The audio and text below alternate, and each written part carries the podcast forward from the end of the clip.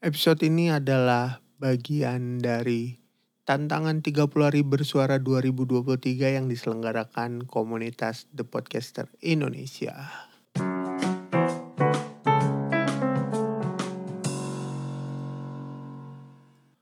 Usaha. Hmm. Usaha, usaha, usaha. Gue bingung sih mau bahas film apa. By the way, gue baru aja nonton Jatuh Cinta seperti di film-film. Nah, kalau disangkut pautin sebenarnya bisa aja sih ada usaha-usahanya ya. Cuman, um, coba nih. Ini film cukup unik. Cukup epic.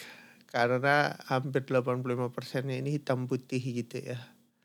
Nah, mungkin menilai usahanya bukan cuman dari sisi film cerita premis gitu ya. Tapi juga usaha teman-teman aktor, aktris dan semua kru produksinya untuk menjadikan film ini sebagus dan seniat itu eksekusinya. Oke, kita bahaslah jatuh cinta seperti di film-film. Ya, sinopsis dari jatuh cinta seperti di film-film ini gue bacain aja dari IMDb. Bagus, seorang penulis skenario bertemu kembali dengan teman SMA sekaligus gebetannya. Hana yang masih berduka karena kehilangan suaminya. Dia ingin meyakinkan Hana untuk jatuh cinta sekali lagi seperti di film. Nah, cara si bagus untuk membuat Hana jatuh cinta adalah dengan cara menulis setiap kegiatan, kejadian, hal-hal yang dia lakuin bareng Hana menjadi sebuah skrip film. Namanya juga penulis dan namanya juga lagi usaha gitu ya. Ya gitu deh. Akhirnya menemukan jatuh bangun, terus challenge-challenge, tantangan-tantangan yang banyak menghambat lah intinya gitu. Cuman film ini genrenya komedi dan ini yang epic maksud gue judulnya memang sudah sekomedi itu tapi ketika lu tonton 50% durasi pertama itu lebih ke drama cinta sih emang lucunya ada selipan-selipannya tuh natural tapi kayak gregetan kayak lu lagi nonton film drama bukan romcom anjir romcomnya tuh terasa di durasi-durasi terakhir. Nah, yang epic lagi dari film ini adalah hitam putih. Dikemas hitam putih 85% katanya. Film ini hitam putih.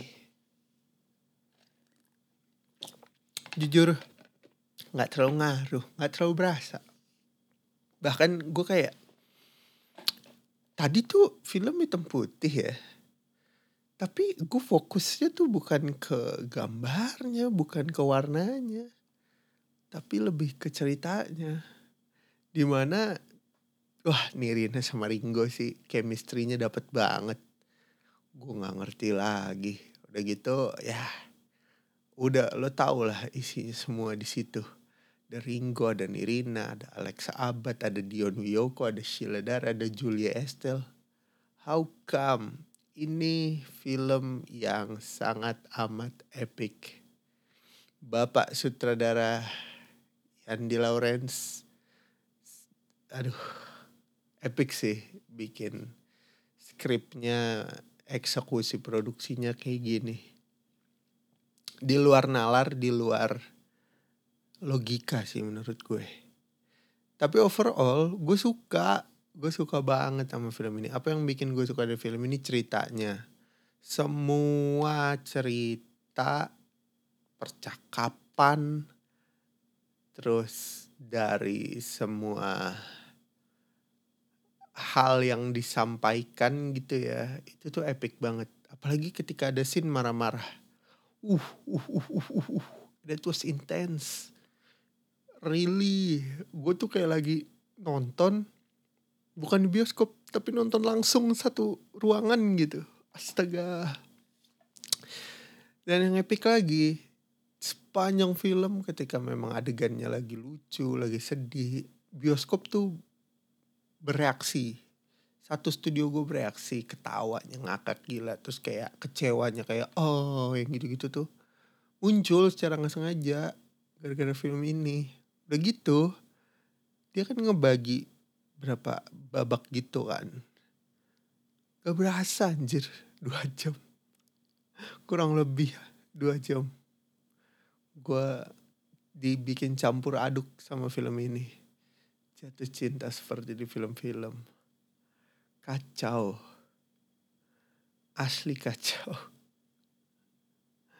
Gue gak ngerti lagi sama ini film. Kekurangannya apa ya dari film ini? Oh film ini tuh terasa sepi. Gue nggak tahu sih in detail.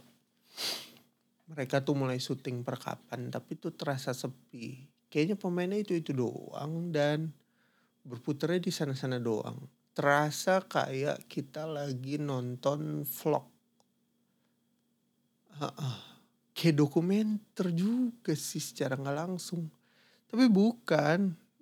Buk, ini bukan dokumenter. Itu epic nih makanya si direkturnya si sutradara sama penulisnya ini nih Bapak Yandi nih ada-ada aja sih. Eh kekurangannya itu sih yang barusan gue sebut. Secara overall sih gue favorit banget.